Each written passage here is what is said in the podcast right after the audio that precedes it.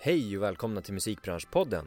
I dagens avsnitt så kommer vi diskutera några av de viktigaste frågorna vi har, jämställdhet och jämlikhet. Vissa tycker att de här är självklara medan andra tycker de fortfarande är läskiga än idag. Oavsett är det otroligt viktigt att fortsätta prata vidare om detta. Något som vi på DMG verkligen vill främja i våra utbildningar. Och därför har vi även haft dagens poddgäster som föreläsare på området på vår tvååriga YO-utbildning Music Business Developer.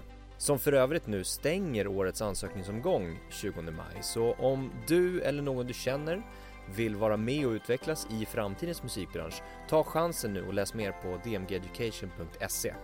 Men åter till podden där vi gör allt för att just synliggöra och utbilda kring de här frågorna. Och då idag har vi med oss Sandra Nordin och Lovisa Delehag från Blixten Company för att prata mer om det här.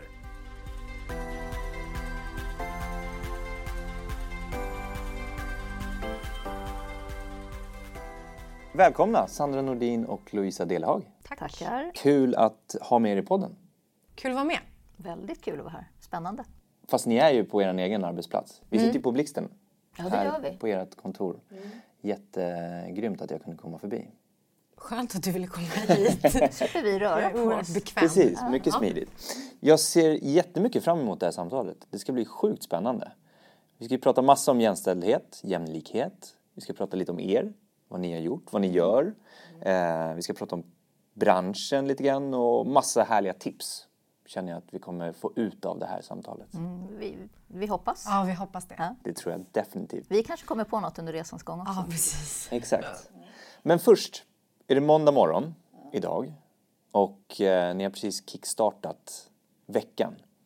Ja. Har ni några sådana här rutiner som ni gör på måndag morgon för att komma igång? Alla morgnar i mitt liv är eh, sen vi fick barn typ detsamma. Sen de började gå i förskola och skola. Ja. Eh, de har tider att passa.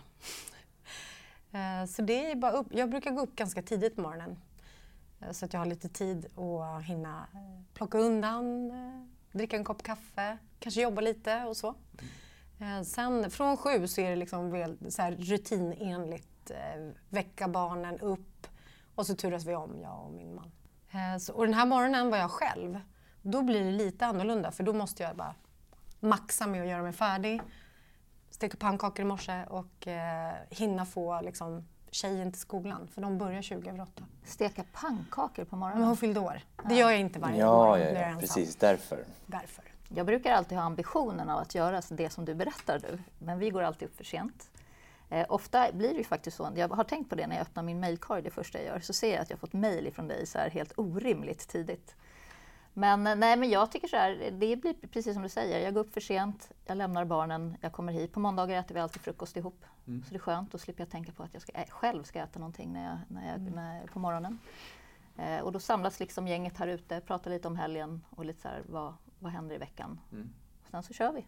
Sen kör ni. Och vad betyder att köra då? Om vi går in på era roller som ni har här på Blixten. Om vi börjar med dig Lovisa. Ja, vad innebär det att köra? Alltså, någonstans det beror på helt vart organisationen befinner sig. Mm. Men det handlar ju väldigt mycket om hur, hur personalen fungerar, vilka, som, vilka projekt vi har som upp och rullar.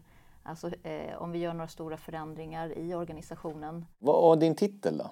Jag är operativ chef. Mm. Så jag har ju den, den väldigt lyxiga, tycker jag, fördelen att jag får röra mig tvärs i hela bolaget, upp och ner och gå in i alla olika roller och olika, olika funktioner för att se att det fungerar bra. Mm. Man kan säga enkelt som att vi har en affärsplan och sen har man en organisation som ska nå den affärsplanen och då måste den här organisationen vara flexibel och det måste finnas resurser för att nå det. Och eftersom vi också är ett innehållsdrivet bolag så kan ju innehållet eh, förändra väldigt mycket vad vi lägger tid på. Och då måste man se till att det finns en organisation som kan göra det. Mm. Och ibland handlar det om att man måste göra nyrekryteringar men framförallt handlar det väldigt mycket om att prata med den personal man har om vad man behöver uppnå så att alla känner sig delaktiga i vad vi ska nå. För vet de det från början så förstår de vart de ska gå. Så det, det är mycket sånt, in och ut i projekt men också väldigt mycket liksom hur, hur vi här på bolaget mm. ska förhålla oss till olika situationer som uppstår. Så veckorna ser inte så lika ut Nej. egentligen? Det beror på Nej. lite grann vilket projekt och vart du har dykt in någonstans? Ja, ja. väldigt mycket så. Eh, och eh, det är ju alltid någon, no, något ställe som behöver mer uppmärksamhet än, än det andra. Och det är mm. alltid någonting som, som rör på sig. Eh, och gör det inte det så se till att det rör på sig. Eh, för det behöver röra på sig. Ja. Men mm. mycket alltså personalrelaterade frågor. Men du har ju en övergripande koll på allting. Det är det som är, känns så skönt, att det finns en person som någonstans liksom sitter som en operativ chef och har koll på allt och som man liksom någonstans och har en förståelse för alla delar. Jag det, att är det, verkligen, ja. det, det är ju en lyx att du har jobbat så pass länge i branschen och varit med och startat upp Blixten Company också. Att man Att någonstans finns har... Ja, jag, fa- En kännedom och en kunskap om det. om hur vår affär ser ut. För det är ju också Mm. så att man har ju väldigt många människor som är experter på sina områden. Och det ska de ju få vara. De ska ju vara bäst på det de gör oavsett vilken roll de har. Mm. Men sen handlar det ju också om att se, okej, du tycker det här är jättebra. Någon annan tycker något annat jättebra. Då är det så här, okej, men vad blir bäst för bolaget? Och det är väl där min helhetssyn kommer in. Så att man, man får ihop det.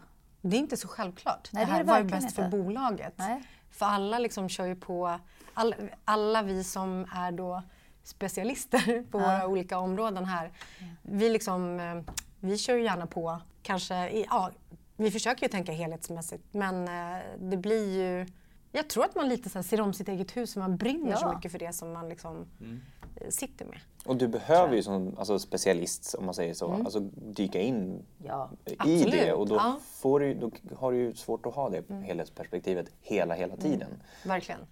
Men jag tror att det som är bra är ju också att man kan ha så här högt i tak och när man så här gasar på så är det okej att bli bromsad. Liksom.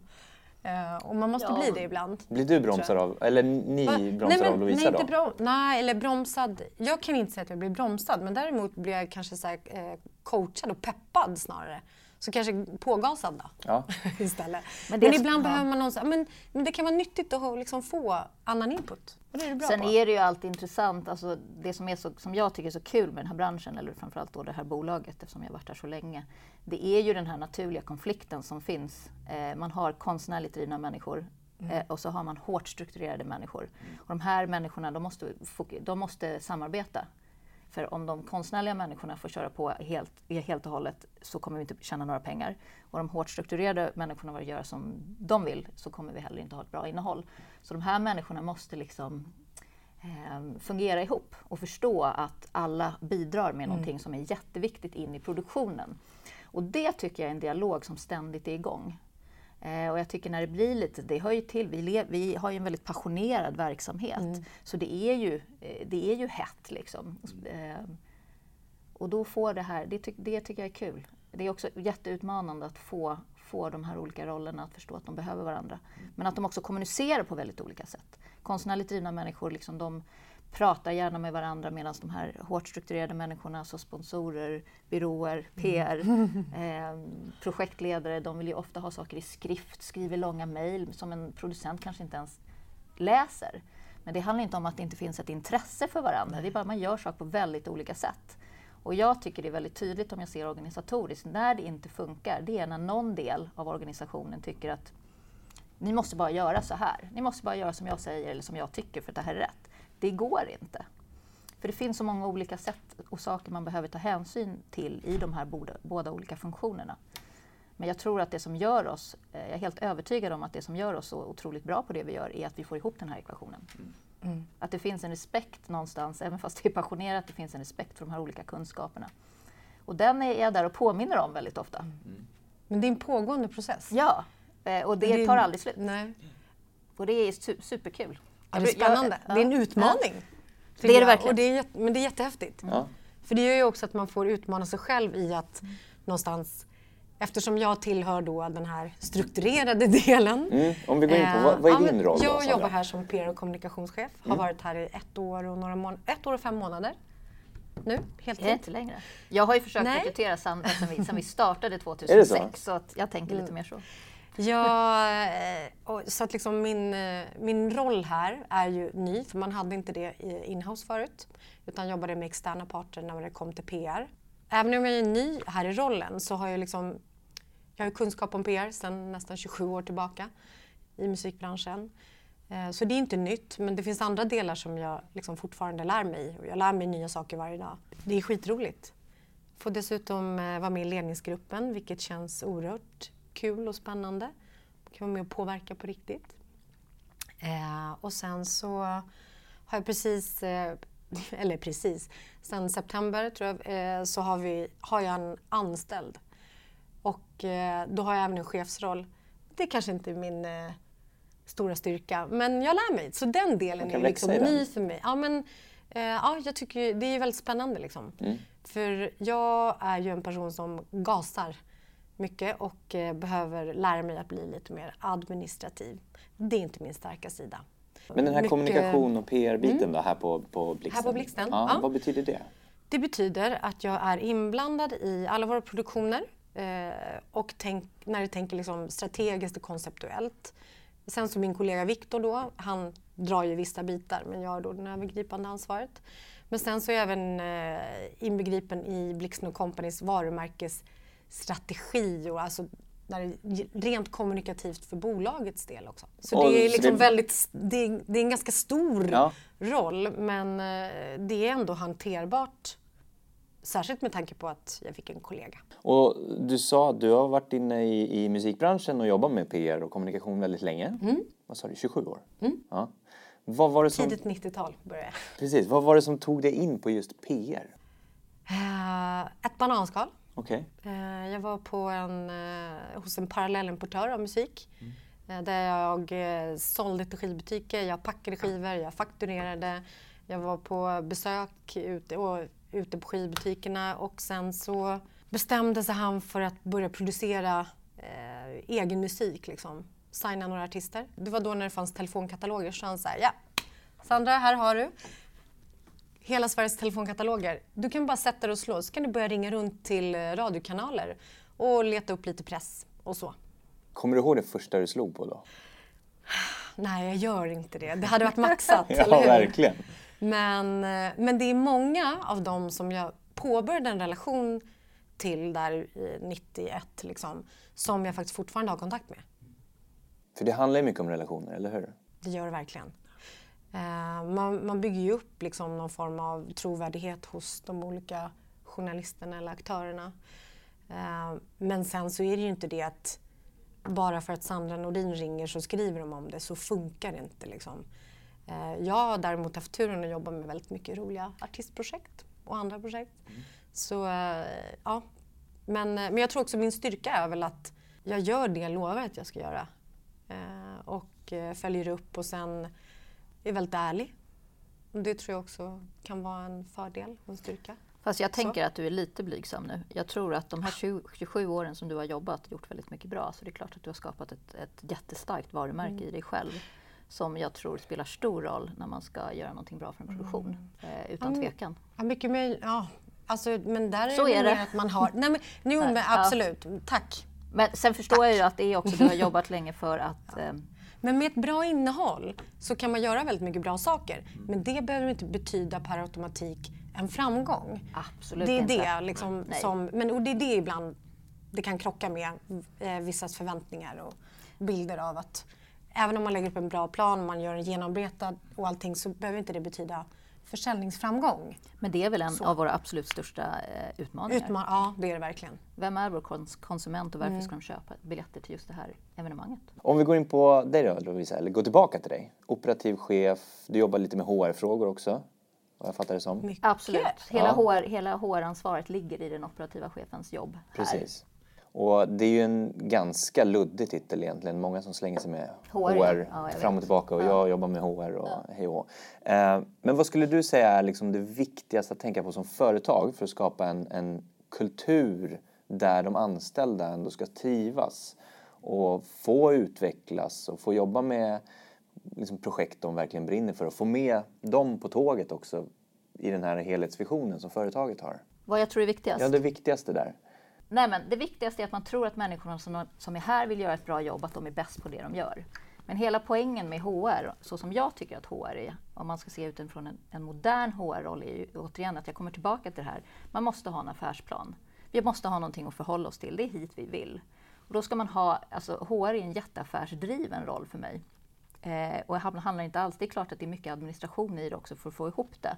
Men det handlar om att den här affärsplanen har vi, vi behöver en organisation för att nå dit. Vad ska den hur ska den organisationen se ut? Mm. Och så måste man göra alla val man kan göra. Eh, ta, tar man utifrån hur affärsplanen ser ut. Vilket gör egentligen att beslut kan bli ganska enkla, även om fast de kan vara väldigt svåra. Eh, men sen tror jag också det är superviktigt att människor som eh, jobbar här, att de får känna sig delaktiga. Alltså om man vill att vi ska nå någonstans så måste ju de människorna också veta, alltså personalen, våra medarbetare måste veta vad vi ska, vad vi har för mål, vad vi har för förväntningar. Och sen när, man, när de väl vet det så tycker jag att man ska låta dem röra sig ganska fritt. Mm. Alltså, så har man ordning på den här övergripande bilden så löser sig det andra. Och så tar man beslut löpande utifrån det. Så mycket ansvar låter det som, att ge ansvar ja, till de inblandade personerna här. För jag tänker så här, om man anställer någon så är det ju för att man vill att den personen ska utföra någonting. Och då tycker jag också att det är jätteviktigt att låta de som man anställer vara bäst på det man gör. Inte gå in och detaljstyra, inte gå in och eh, tro att man kan bättre. Eh, för det kan jag inte. Jag är jättebra på mitt jobb men jag tänker att någon som jobbar i receptionen, någon som jobbar med PR, någon som jobbar med marknadsföring, någon som är producent, de kan sitt jobb. Och då förväntar jag mig att du är bäst på det. Mm. Eller i varje fall så ska vi prata om hur du når dit. Det här är ju någonstans det vi pratar om, tänker jag, någonstans är kärnan till ett bra HR-arbete. Det är ju så att det blir ju inte så här per automatik. Det handlar ju jättemycket om så här skyldigheter och rättigheter mm. till och från varandra. Och det här måste hela tiden fungera eh, för att det här systemet ska fungera och det ska hålla. Eh, att det måste vara människor som gillar den formen av arbete. Eh, och vi har ju redan från början liksom varit väldigt tydliga, men vi har policies för hur saker ska funka. Liksom, återigen den här förväntan på vad du ska leverera och vad jag ska leverera. Och så länge det är i samspel mm. och att det finns en dialog kring det så, så, funkar det. Men där måste man ju vara och peta hela tiden för att det ska fortsätta att funka. Mm. Eh, och vi har ju redan sedan vi startade eh, försökt bygga upp, alltså vi har ju jobbat på vår kultur. Det är ingenting som bara infinner sig för att vi är sköna människor. Utan från början så insåg vi att okej, okay, vad vill vi ha för organisation? Hur ska vi komma dit? Eh, och då visste vi inte riktigt. då tog vi, in, vi har jobbat med organisationskonsulter jättelänge och sen när vi blev klara med det och kände att nu har vi hittat någonting, nu, nu är vi på ett ställe som vi gillar att vara. Då kunde vi aktivt också börja jobba med jämställdhet på ett helt annat sätt. För det handlar om att lägga en, en tydlig, bra eh, företagskultur i botten. Men sen tycker jag ju hela vårt jämställdhetsarbete som är ett stort del av vårt bolag Genom att jobba med det så får man kultur och värderingar på köpet. Och du var ju för några veckor sedan, Lovisa, över hos oss och pratade med våra studenter ja. om just de här frågorna. Mycket, mycket uppskattat. Mycket viktiga frågor såklart ja. också. Jag tänkte om vi börjar, jämställdhet och jämlikhet, ja. två begrepp sådär. Om ni skulle förklara de begreppen, vad, skulle, vad särskiljer de begreppen? till en Men det är ganska, alltså, jämlikhet är ju liksom att alla människor någonstans har, det är ett större begrepp. Det är att alla människor har samma status och respekt och att alla människor är lika värda egentligen. Eh, där kan liksom eh, säkerhet, rösträtt, yttrandefrihet, all, alla sådana bitar, liksom mänskliga rättigheter på något sätt, som inte är en självklarhet förvisso. Men det är ett större begrepp som handlar om alla människor och många olika ingredienser. Medan eh, jämställdhet innebär lik, eh, jämlik, jämlikhet mellan kvinnor och män. Det handlar bara om kön. Och att alla då, ska, oavsett vilket kön man har, ska ha den makten att forma sina egna liv. Att man ska ha en rättvis fördelning av makt och inflytande i samhället. Precis. Vilket låter som en självklarhet. Ja, det tycker mm. ju de flesta. Faktiskt, men det är ju inte det. Vilket är jättekonstigt. Så vad blir liksom ert, hur jobbar ni på Blixten här med de här frågorna? det är en pågående process och man kan säga att vi började jobba väldigt aktivt med det först 2011. Mm. Då hade vi varit igång i fem år och det är lite för att komma tillbaka till det jag sa. Då hade vi först jobbat väldigt mycket med eh, organisationskonsulter där vi, hade, där vi funderade på så här, vad vill vi vara för form av bolag? Hur vill vi uppträda mot varandra och hur, hur vill vi interagera med oss själva och omvärlden? Eh, och när vi väl hade gjort det så kände vi att vi vill jobba mer tydligt med jämställdhet. Det har varit viktigt från början, inte bara för mig eh, utan också för de som har suttit i ledning. Ehm, och, så då drog vi igång det 2011, men då var det samma sak igen. Så, men hur gör man det då? Ja, men då tänker jag som alltid när man inte vet någonting, då tar man hjälp utifrån. Man tar in någon annan som kan någonting. Så då började vi jobba med ett eh, en konsultbolag som heter Agender, som, ett jätte, som kallar sig för normingenjörer, som är jätteduktiga på att jobba med organisationer i de här frågorna. Normgenier? Normgenier kan man också kalla dem, exakt. Eh, och då var det mer så här, tricket eh, tror jag att jobba med de här frågorna är att alla i bolaget måste vara involverade. Det mm. räcker inte liksom att göra en så här jämställdhetspolicy. Nu är vi över 25, då måste man enligt lag göra en jämställdhetspolicy och sen ligger den på, mm. på hyllan och så kan man visa den när någon kommer. För vi har, när DO kommer och knackar på dörren, så här, check, ja de har gjort det, här funkar det bra. Det är tyvärr ganska ofta min upplevelse att, att det funkar. Man måste involvera alla i bolaget, vilket vi gjorde. Vi gjorde jättemycket workshops, vi hade liksom eh, enkäter, bara för att ta reda på vad just vårt bolag, jag tror så här, vårt bolag är en del av ett, större perspektiv. Vi har en global Eh, vi har ett globalt mål, alltså Agenda 2030, alltså FN-målen. och en av de målen är att vi ska vara en jämställd värld. Eh, och sen har ju Sverige ett, ett jämställdhetspolitiskt mål. Och sen är vi då ett bolag som är en del av den här strukturen. Och då tänker jag så här, vi måste göra vårt. Mm. Eh, och då, men då måste vi ta reda på, så, okay, men vad betyder jämställdhet för oss då? Vad har, vi för, vad har vi för situationer som inte funkar? Eller hur vill vi att det ska vara? Ingen aning. Jag kan ju veta vad jag vill, men vi är 35 pers här nu. Vad finns det för strukturer som inte fungerar? Eh, för att jag tror ju att grund och botten så handlar det ju om att ta reda på, alltså alla de här maktstrukturerna som finns i, vår, i, vår, i, i våra liv, som vi agerar på utan att tänka på, det är de man behöver komma åt. Så då gjorde vi jättemycket eh, jobb tillsammans med hela bolaget och då kom vi fram till fyra liksom så här, pelare. De här grejerna vill vi jobba med. De här ska vår jämställdhetspolicy handla om. Den första var att eh, handlade om karriär. Vad innebär karriär? Vi är ett ganska litet bolag. Det handlar inte nödvändigtvis om att klättra på någon form av trappa eller i en hierarkisk trappa utan vi definierar så att karriär handlar om att det är liksom hårt jobb och, och hårt jobb som, som, som säger vad du ska ha för för roll och position, inget annat såklart, inte kön. Men också att karriär handlar om att du ska vara bäst på det du gör. Det handlar inte om att du nödvändigtvis är chef, det kommer tillbaka till det, utan att du, så att du, är, du har din roll här eh, och du ska göra det här och du ska vara bäst på det. Och det går ju alltid att förbättra, så att man uppmuntrar det, då gör man karriär, eh, tycker jag. Sen var en väldigt het potatis var föräldraskap och, eh, mm. och eh, yrkesliv. Alltså, vi tycker det är super, vi är många som har barn här. Men jag tänker också att samhället bygger på att vi förökar oss. Det är barn överallt och vi är alla en del av det. Och vi måste alla ta någon form av ansvar kring det. Och då tänker jag att yrkeslivet och föräldraskap måste fungera ihop. Och det visade sig hos oss, precis som på många andra ställen, att det är inte riktigt, här, har vi, här är, är det inte riktigt jämställt. Killar gör på ett sätt, tjejer på ett sätt. Eh, och där tyckte jag var väldigt tydligt också när vi började jobba med det, att det var tjejers, eh, eller kvinnors, eh, liksom sätt att hantera det som vi försökte ändra. Mm. Istället för mm. att då att man säger så här, nej, kill, att killarna måste göra på ett visst sätt. Klassiker, exempel. Mm. Eh, man får barn, tjejer går ner till 80 procent mm. men jobbar ändå fulltid men får betalt för 80. Killar går och hämtar klockan tre ändå och eh, fortsätter jobba 100 procent. Mm. Och då tycker jag återigen det kommer tillbaka till det här vi pratade om tidigare, att man har ett uppdrag som man ska leverera. Eh, och då tycker jag så här, gå och hämta barn vid tre då. Sen om du, du gör det andra, vilken tid på dygnet du gör det eller när, det spelar ingen roll. Därmed säger jag inte att alla måste jobba 100% när man är föräldraledig, det är fortfarande individuellt. Men man ska kunna jobba eh, på olika tider, på olika platser. Och man, framförallt så måste det vara så att alla känner att de får göra på samma sätt. Mm. Men det är den här fällan som kvinnor ja, gärna ja. går i, som ja. jag själv har gått i men bestämde för att mm. aldrig. Men det, för det, var något, det här var innan jag började och jag vet ju att så här, när jag kom hit så var det men man börjar med att säga så här, ja men och idag måste jag hämta eh, lite, jag måste gå lite tidigare för jag måste hämta bla bla bla. Och bara fick så här konstiga blickar och bara, jaha. Ja, det, det, har, det, har, blivit en icke-fråga. Alltså, ja men verkligen. Så att, eh, ja, det är jätte, jätteskönt. Och det är absolut kvinnan som faller i det. Så det var ja. bra att vända på det. Istället ja. så här, gör, gör, gör om. Så här, det, ja. Gnäll inte på på killarna utan eh, ta samma plats.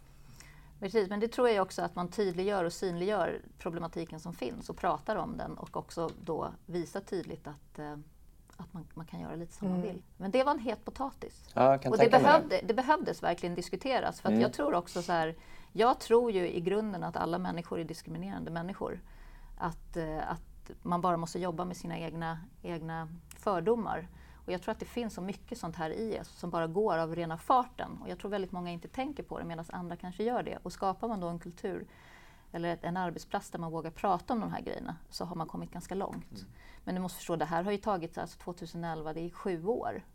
Så föräldraskapet, superviktigt. Och det hänger ju också tillbaka till det som händer när man börjar prata om det. Då kommer man ju tillbaka till de här liksom mer övergripande målen. Att anledningen till att det också blir ofta så att kvinnor går ner i tid tror det handlar också om den här liksom fördelningen av arbetet hemma. Vem som gör vad där hemma. Och är det då så att man som bolag säger så här, men vet du vad, du får fortsätta jobba 100 få till din tid, gör ju också, tror jag, att man går hem och kanske ibland har en diskussion där hemma om vem som ska göra vad, i vilken ordning, att man behöver hjälpa varandra. Så vidare sen. Ni hade, yes. Det var två det var pelare. Två. Det var två. Och Den tredje är respekt. Att, liksom att man ska respektera både varandra här inne eh, och eh, även människor externa som vi jobbar med. Mm. Det tycker jag har varit en jättesvår eh, svår punkt. Varför respekt? Folk definierar respekt på väldigt olika sätt. Mm. En del tycker att det är någonting man förtjänar, en del tycker att man ska ha det per automatik. Så där är vi inte, absolut inte i hamn. Det är fortfarande någonting som vi diskuterar. Men någon form av grundtanken då hur man vill uppträda med varandra. Eh, och jag tror att där handlar det också om att i de här projekten, vi har ju ganska tajta projektgrupper när vi jobbar med någonting. Det är oftast en fyra, fem människor mm. som är involverade här internt som är liksom stommen till de produktioner vi jobbar med. Och där måste man förstå att liksom, det finns ju naturligtvis alltid någon som är ytterst ansvarig. Men den här kedjan måste funka perfekt. Mm. Eh, och så fort någon inte, kedjan inte fungerar så blir det pro problem med produktionen. Och blir det problem med produktionen så blir det problem i vår affärsplan, mm. utifrån mitt perspektiv. Och därför måste det finnas en väldig eh, respekt och förståelse för de olika yrkesrollerna. Att varje yrkesroll i den här projektgruppen är precis lika viktig. Och sen den sista är att vi vill vara branschledande i de här frågorna. Mm. Eh, jag tycker när vi började med det här 2011 var det inte vidare svårt. Säga jag tycker det är tråkigt. Ingen skulle vara gladare än jag om vi var typ sämst på det här. Eh, men så är det inte. Men jag tycker senaste åren att det har plockat upp. Jag tycker att andra bolag har börjat titta på frågan på ett mer seriöst sätt. Mm. För det är precis som du säger, jag tycker ofta så när man säger till dig så här, jämställdhet, ja men det är klart jag tycker att det ska vara det. Men någonstans så handlar det ändå om att jobba jättemetodiskt eh, och iterativt för att nå framåt. Eh, och jag tror att det var en av de första grejerna som vi gjorde, som vi insåg när vi började jobba med jämställdhet. Okej, okay, alla som sitter i vår ledning är operativa. Eh, vilket betyder att om det kommer produktioner, så de produktionsproblematikerna eller de grejerna som uppstår i produktion kommer alltid gå först. Så personalfrågor och alla de här grejerna var ju något man gjorde när man hade tid. Och då insåg vi att det går inte, om vi ska ta det här på allvar så måste vi ha någon som jobbar med HR. Som ser till att hela grunden hygienfaktorer finns på plats. För finns inte de på plats kan man liksom inte börja jobba med de här mer strategiska frågorna. Och att det är någon som har ansvaret, liksom, facklan, för att driva frågan framåt. Mm. Inte bara när det finns tid, utan jämt. Och det var då jag valde att utbilda mig till HR-chef. Och sen blev HR-chefen ganska naturligt i vårt bolag eftersom man är inne i, i projekten så blir det per automatik ganska fort en operativ chefsroll. Mm. Hur togs det emot av eh, personalen då, alla de här fyra pelarna? Ja, men det var ju de som hade tagit fram det. De var med och tog fram ja, det? Ja, absolut. Mm. Vi, vi gjorde ju det tillsammans allihopa så det var ganska självklart. Och på det sättet har vi fortsatt att jobbat. Mm. Sen, är det så, sen funkar det ju så med en jämställdhetspolicy att man sätter ihop den och sen så skapar man en handlingsplan som uppdateras varje år. De här grejerna vi, måste vi göra det här året för att vi faktiskt ska eh, nå någonstans. Mm. Så fortsätter det så. Mm. Och sen har den där utvecklats. Men vi har fortfarande de fyra grundstommarna som vi jobbar efter, men frågorna är ju helt annorlunda. Mm. Det som var en jättehet potatis 2011 är ju inte det längre. Nej. Men det tar tid. Ja. Alltså det var ingenting som vi bara satt och pratade Det är det jag menar. Man pratar om det i ett möte och så tycker man det är självklart. Men sen att faktiskt förändra strukturen och tänket i det. Mm. Eh, och jag tror också att det finns, om jag ska se utifrån föräldrar, eh, le, alltså, nu hoppar jag lite, men utifrån ett föräldraledighetsperspektiv, så tror jag också att det kan vara så att eh, man vill uppmuntra killar att också vara föräldralediga. Men jag tror också ibland att det finns strukturer som gör att ledningar tycker att, tycker att det är lite jobbigare, eller man tänker lite annorlunda, att det inte är självklart att killar ska göra det. Så det finns så mycket sånt som man måste bara liksom våga ta tag i sig själv och bara ruska om.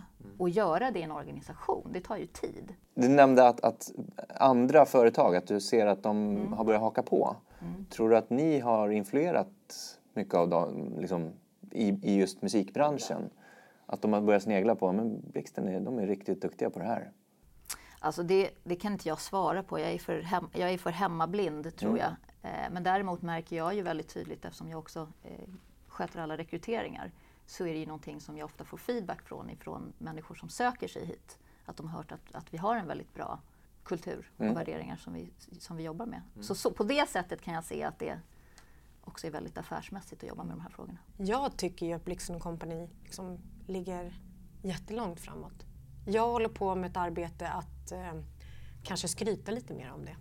Det är kanske det man, eh, det har saknats lite. Ja, men det, det, här kommer bröstet. Sandra in som PR och så, kommunikation. Så. Verkligen. Jo, jag, jag, jag, tycker att vi gör ett jätte, jättebra jobb. Mm. Vi ska visa det lite mer bara mm. gentemot andra så att vi kan inspirera andra.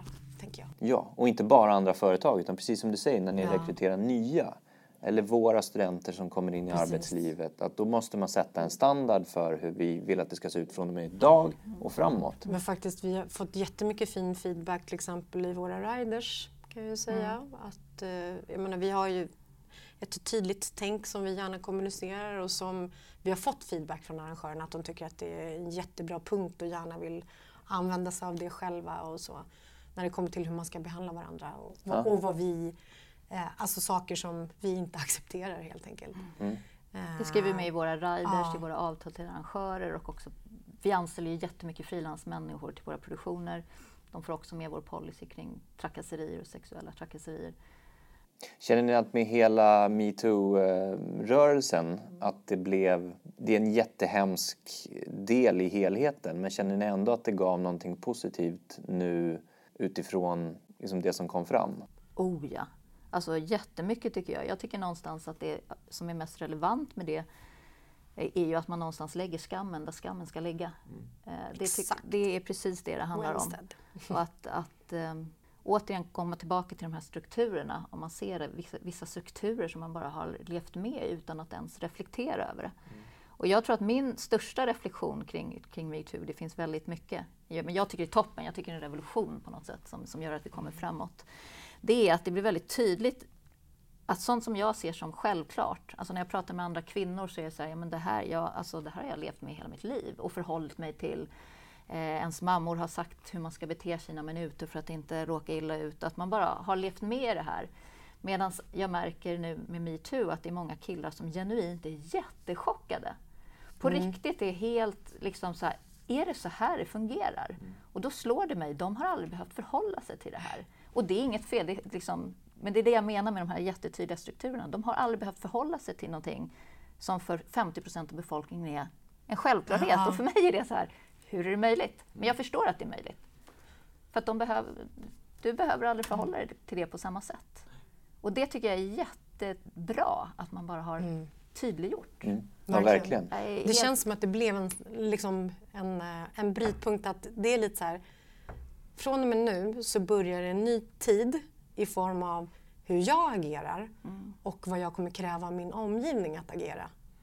Uh, det, ja, jag tycker att det är jättehäftigt. Mm. Och uh, ja, jag ska själv bli en bättre förebild. Liksom. Mm. För sen, jag tror också att både jag och Lovisa har jobbat länge i branschen. Och som du sa, att det, det ja, nej, ja, varför, när jag tänker tillbaka nu så kan jag tänka så här, varför sa jag inget? Varför reagerar jag inte? Men, men det händer inte igen. Det kommer inte hända igen. För jag kan inte ha saker ogjort. Men jag kan däremot förändra allting framöver och bestämma hur jag vill ha det. Men det Var välkommet. Ja, verkligen. Och, och, du nämner det här med att har ni själva blivit behandlade annorlunda för att ni är ja. kvinnor? Ja. Men hur, det, det jag tror många är, är nyfikna på är hur har man liksom tacklat det? Alltså ja, hur har ni tagit er an de, de liksom... Men jag tänker på det liksom hela... Eller tänk på det, snarare så här. Istället för att tänka att oj, nu kommer det bli en liten obekväm situation här om jag säger ifrån här nu, något som jag upplever. Så tänker jag så här, men skitsamma, dålig stämning kan jag leva med. Men jag vill inte sitta liksom 24 timmar senare och bara, åh varför sa jag ingenting? Mm. Ja, och, det... fra, och framförallt att man tänker, om man säger ifrån så är det ju inte jag som skapar dålig stämning. Den dåliga stämningen Nej. skapades ju av den som gjorde någonting ja. som, som blev knepigt. Men det tycker jag var jättesvårt när jag var ung mm. i de här strukturerna. Och jag tror att i mitt fall, eh, när det liksom började, när man, när man blev lite äldre och lite mm. klokare, jag har varit heligt jävla förbannad. Skitförbannad har jag varit. Mm. Eh, och eh, sen har det gått över till någon form av mer diplomatisk, strategisk funktion. Men jag tycker att, eh, jag ska vara helt ärlig, det är en ilska som kan driva mig i de här frågorna. Mm. Ja, alltså, så. Mm. För att jag tycker det är så bisarrt att 50 procent av befolkningen är diskriminerad. Ja. Och sen utifrån ett affärsmässigt perspektiv så tror jag att det är väldigt enkelt att eh, man behöver vara en grupp som är dynamisk och fungerar bra ihop.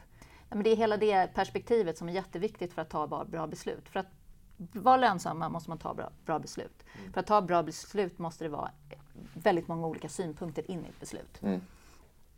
Och då är det bra med väldigt många olika former av människor. Olika bakgrunder, olika tankar, olika kompetenser. Du nämnde också det att, att skammen har liksom lagts där den ska ligga, eller på dem. Förövarna. Som, ja, precis. Mm. Har det gett någon effekt nu? Liksom? Har de beslutsfattarna, om vi kallar dem för de, de männen, eh, har det skett någon, någon skillnad?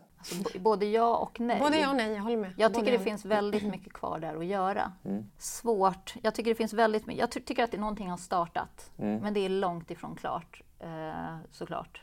Um, och hur gör vi för att det inte ska rinna ut i sanden? Genom att göra det här jobbet som vi gör. Ja. Gjuta mod i de som vi jobbar med att inte ta någon skit på mm. något sätt. Mm. Det är en jättestor del av vår jämställdhetsgrej. Att det är så här, oavsett vem som beter sig illa med dig på något sätt som du upplever är kränkande, så får du be den personen dra åt helvete. Sen spelar det ingen roll om vem, det är någon som är en sponsor som ger oss x antal miljoner per år. Det är, så här, det är inte okej. Okay. Mm. Och jag tror att det måste finnas en ledning, det måste finnas en VD som backar det här i alla lägen. Och en problematik i vår bransch är såklart att det är så många som är vänner mm. med varandra. Mm. Men det kan, inte, det kan inte gå före de här frågorna. Jag tror att det, det håller på att luckras upp. Och luckras upp. Mm. Men det kommer ta sin tid. Jag tror också det. Jag, jag, bara, jag bara hoppas att eh, genom att det vi gör här mm. någonstans hela tiden påminna vår omgivning om mm. våra rättigheter och skyldigheter. Mm. Eh, och att eh, om man blir väldigt specifik, så här, om man ska då, hur man gör och så här, vad man säger gentemot eh, andra män i min omgivning, mm. så försöker jag hela tiden att så här, utmana i att per automatik, du var inne på att eh, den är väldigt så här, relationsstyrd och man, har liksom, man omger sig med sina vänner, det ska anställas ny personal, ja, men man tittar den närmsta kretsen. I mm. de frågorna att så här, kasta ut en boll och bara, men eh, den där personen då? Och att eh, man ska alltid välja den som är bäst men, men jag vet ju att det finns kvinnor som är bäst i massor av roller mm, också. Mm. Mm. Eh, eller för olika sammanhang och sådär. Att alltid ha en bank med liksom, fem kvinnonamn på bordet. Mm. Liksom, det, det ser jag som min uppgift. Liksom att bidra till någonstans fler valmöjligheter. Mm. Och sen så måste ju liksom eh, den som är bäst vinna liksom, jobbet eller vad det än kan vara. Men, det, precis, men då måste det, exakt, tricket med det är ju att det måste vara baserat på en, krav, krav en kompetens, en kravspecifikation. Mm. Vilket gör att då blir, om man har det i grunden när man rekryterar så tar man in en person som tas mm. in för att de kan just det här. Inte för att du är min kompis eller för att jag gillar dig, för att du är som jag. Det finns ju mycket forskning som helst kring rekrytering som är spännande. Mm. Men, eh, vilket överlag i branschen tror jag kan vara en väldigt positiv del. Mm. För att den är väldigt, som vi säger, relationsstyrd. Men att vi behöver ha en högre kompetens i musikbranschen överlag. Mm. Um, så det är, det är inte bara jämställdhetsfrågan där utan det är, framhäver ju faktiskt den som är bäst på det och höja, höja nivån på de som redan är i branschen också. Mm. Sätta lite press på dem. Men det gäller även leverantörer. För att jag menar, marknad och PR, vi jobbar ju liksom med eh, kreatörer som eh, fotografer, formgivare, eh, contentskapare, alltså filmare och allt mm. möjligt. Mm. Och där är det ju också en bransch som har varit väldigt mansdominerad. Liksom. Men då är det så här, vi pratade hela tiden i vår grupp om att okej, okay, inte bara att så här, vi, vi ska ha det jämställt med att försöka hitta förslag, lika många förslag från eh, kvinnor eller män, utan snarare så här, nya personer mm. också. Att titta utanför boxen och inte bara använda den här personen för att ja, men vi vet ju att den levererar. Och det är enkelt, det är bra. Att våga utmana oss själva. Mm. Liksom, i det. Vi behöver något eh, så här enkelt, om vi ska vara bäst på det vi gör så behöver vi ha de bästa människorna här. Och för att få hit de bästa människorna här så måste vi ha en bra, vi måste erbjuda någonting bra. Och då tror jag liksom den här värderings eh, och jämställdhetsarbetet är superviktigt. Och vad blir viktigt att tänka på för män i de här frågorna? Om man liksom försöker sammanfatta det lite grann. Jag tycker väl att det är viktigt, alltså män, alltså, jag tror ju någonstans att man försöker förstå och se att de här strukturerna finns utan att be behöva ta det så otroligt personligt. De här strukturerna finns och om jag ser dem så kan jag göra någonting av det. Och jag tror att då kan man hjälpa, hjälpa till, man kan framhäva, eh, man kan stoppa eh, beteenden som man inte tycker är okej. Okay. Mm. Om man nu inte tycker det är okej. Okay. Och jag vet, det är lite som jag sa det här att jag tror att alla är diskriminerande människor, både kvinnor och män. Att om man kan någonstans se det och se att det är okej att göra en förändring av sig själv utan att liksom tycka att man är så här sämst människa. Det, mm. förstår du lite vad jag menar? Ja. Alltså, jag tycker inte att man är en dålig människa för att man gör dåliga saker, men gör rätt då. Alltså, försök. Mm. Försök mm. göra någon, någon, förändring. Och jag tycker också så här, att gå till fem, att, att det är svårt att göra förbättringar, men jag tycker små skillnader är också jättebra. Alltså jag tycker att man ska uppmuntra eh, det som är positivt i en organisation. Jag är säker på att de flesta har det, men ta den lilla biten och jobba med den då. Mm. Men jag tycker nog att just det jag kommer tillbaka till, det som jag blev väldigt fascinerad över, att det var så många män som var så chockade när eh, metoo hände. Jag kan, eh, det skapar både förståelse hos mig, men jag kan också bli lite ledsen att, att de måste faktiskt vara med och ta ansvar för det här. Mm. Det här är ingen kvinna, så det här är ett samhällsproblem som alla människor oavsett kön behöver jobba med. Ja, det här är, det här är ja. inte bara heller så musik eller underhållningsrelaterat i, i branschen utan det finns ju överlag.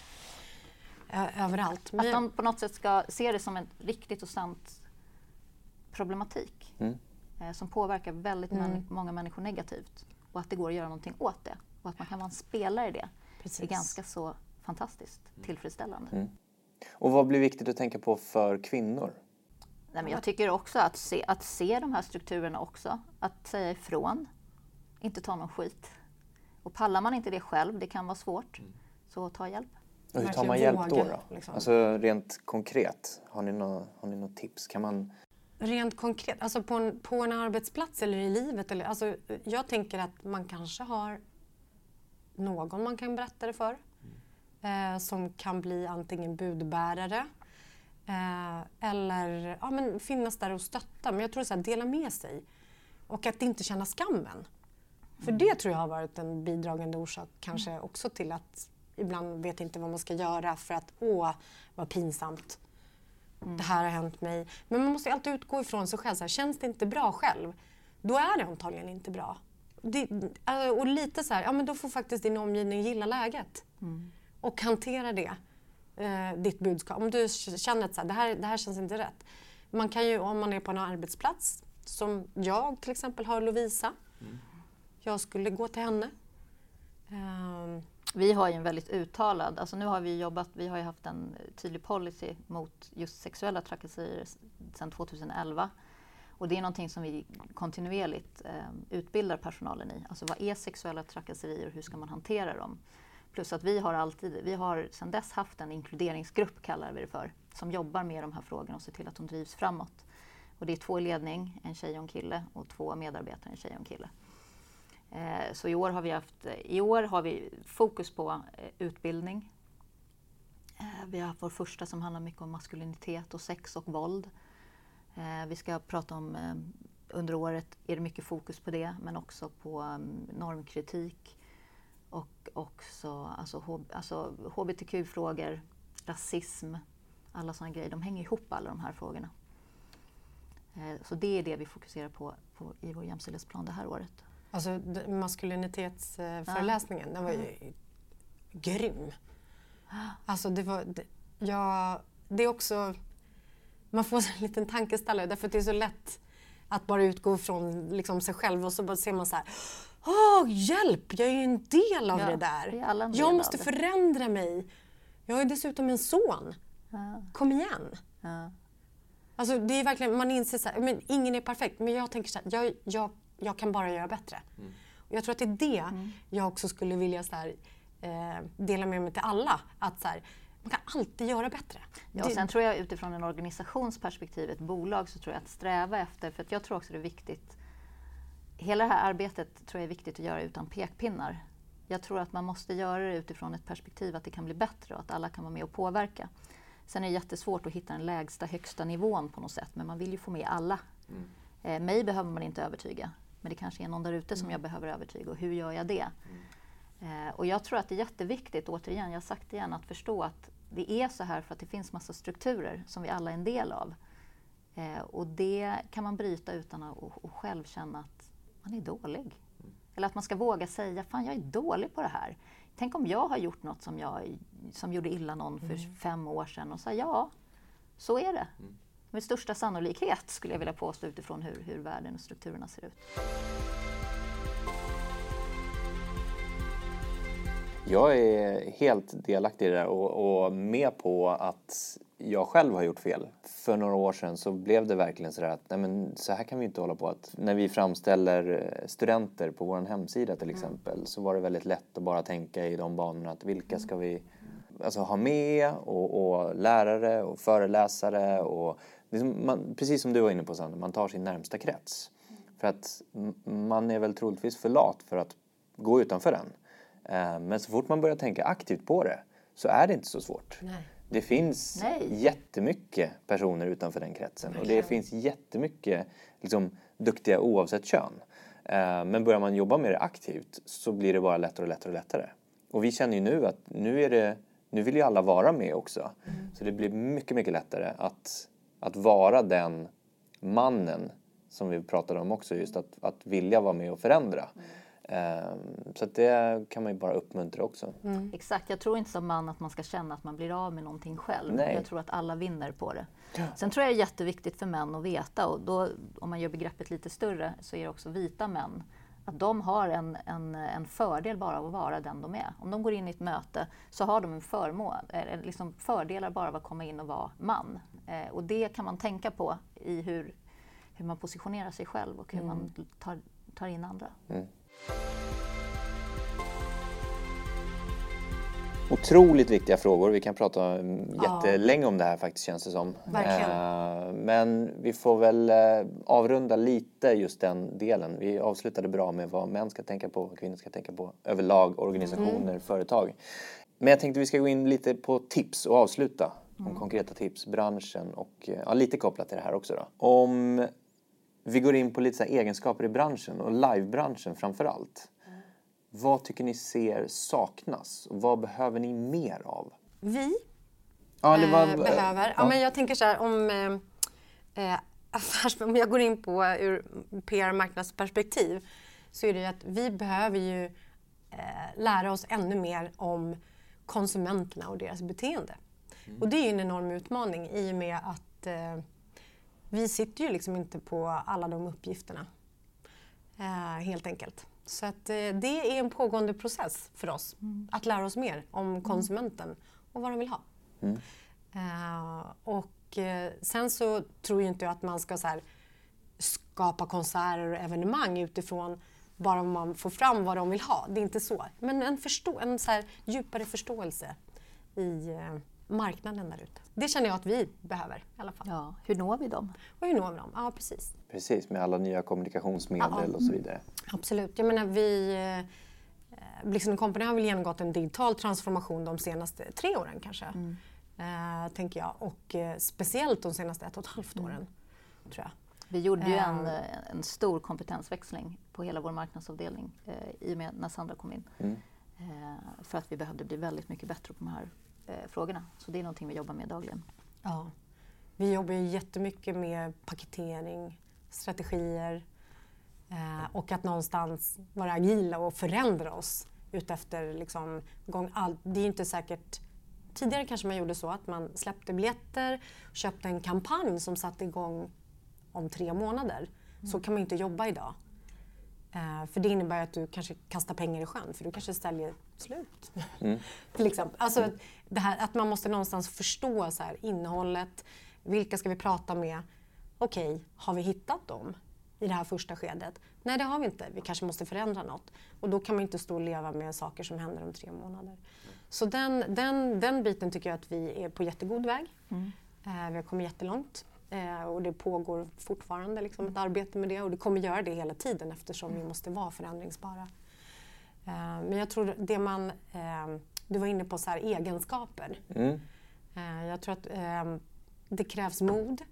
Man måste vara kreativ, lyhörd och ha respekt för konsumenten och förståelse för konsumenten liksom, och deras behov. Mm. Men, och jag tror att kan man, kan man lägga en grund i att man förstår innehållet i en konsert eller i en föreställning eller en ja, musikal eller vad det är. Eh, så tror man, om man är överens i gruppen om så här, vad är det vi har och vad är det vi paketerar så kommer man jättelångt på det. Eh, och att man gör en målgruppssegmentering. Och det är väl någonting som eh, vi kan bli bättre på. Mm. Du är så diplomatisk. för att få förståelse för ja. det. För att någonstans lägga pengarna eh, på rätt ställe.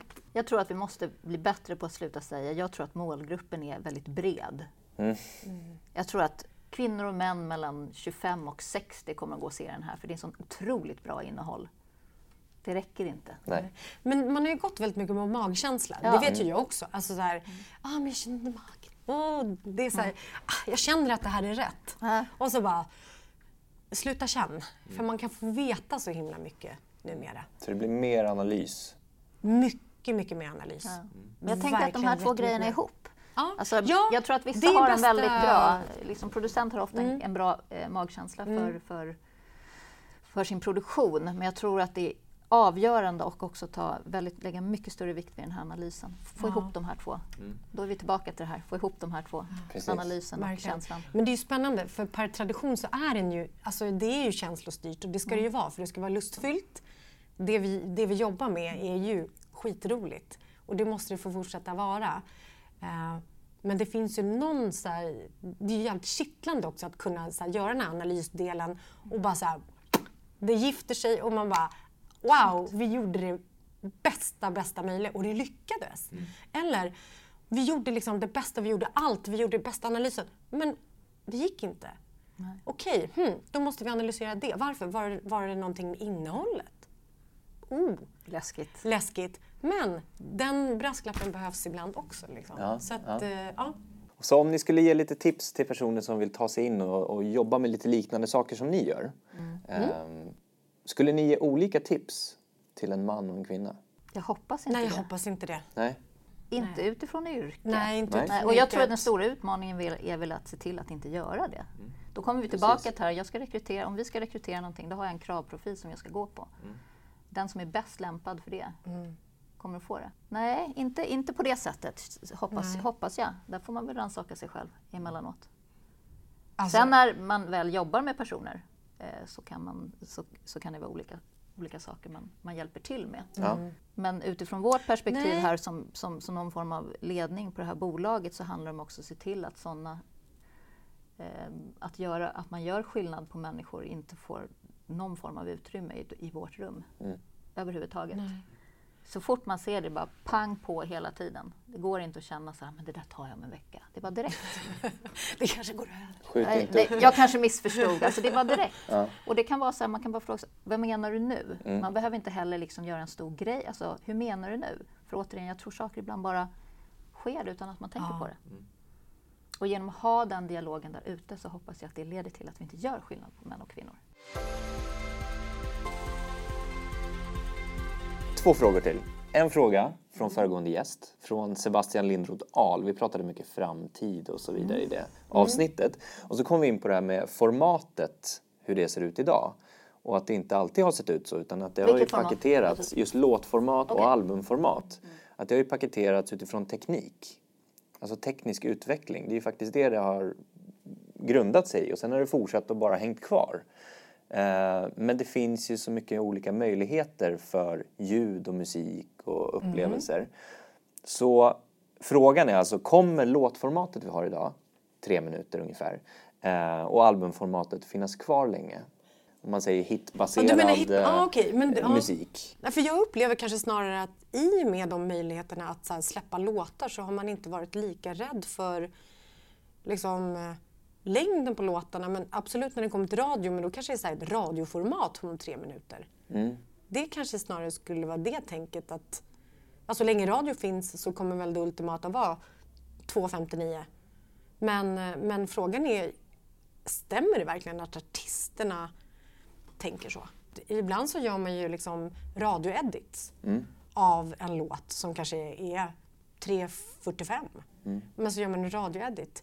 Eh, och, men jag kan inte säga att det stämmer, det är bara den erfarenheten jag har. Mm. Men jag har aldrig varit med om att man så här per automatik tänker att nu ska jag producera bara tre minuters låtar. Eh, och när det kommer till albumformatet så tror jag att så länge det finns artister som eh, tänker så här att jag vill släppa eh, ja, ett album. Eh, fysiska album släpps ju knappt längre. Men det finns ju fortfarande artister som tänker så här att ja, men de här 8, 9, 10 låtarna jag har gjort eh, de vill jag ska liksom, eh, formateras på det här sättet som ett album, 10 spår med en röd tråd mm. igenom. Eh, men sen så kanske inte konsumenten eller lyssnaren agerar på det sättet, att man lyssnar från 1 till 10. Mm. Men, men är du ett fan av en artist som kanske har gjort det per tradition under väldigt många år så kanske man gör det. Mm. Så jag, tror, jag tror att det är lite så här, så länge artisten fightas för sitt format, hur den liksom vill ha det, så tror jag att man kommer kalla det albumformat. Avslutningsvis så ska ni få ställa en fråga till nästa gäst. Jag tänker om nästa person har en, en etisk fråga som de tycker är jätteviktig i sitt yrkesliv, som de eh, förhåller sig till.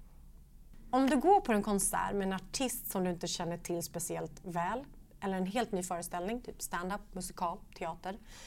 Vilken är den främsta anledningen till att du går? All right. Stort tack Sandra och Lovisa. Tack så tack jättemycket. Själv. Jättekul att snacka lite Det var kul. Det kändes lite som att nu har vi bara kommit igång. Ja, jag vet. Nu måste vi sitta kvar här. Vi får köra en 2.0 ja, senare. Gärna. Ja, vi säger så. Ja. Tack. tack. tack.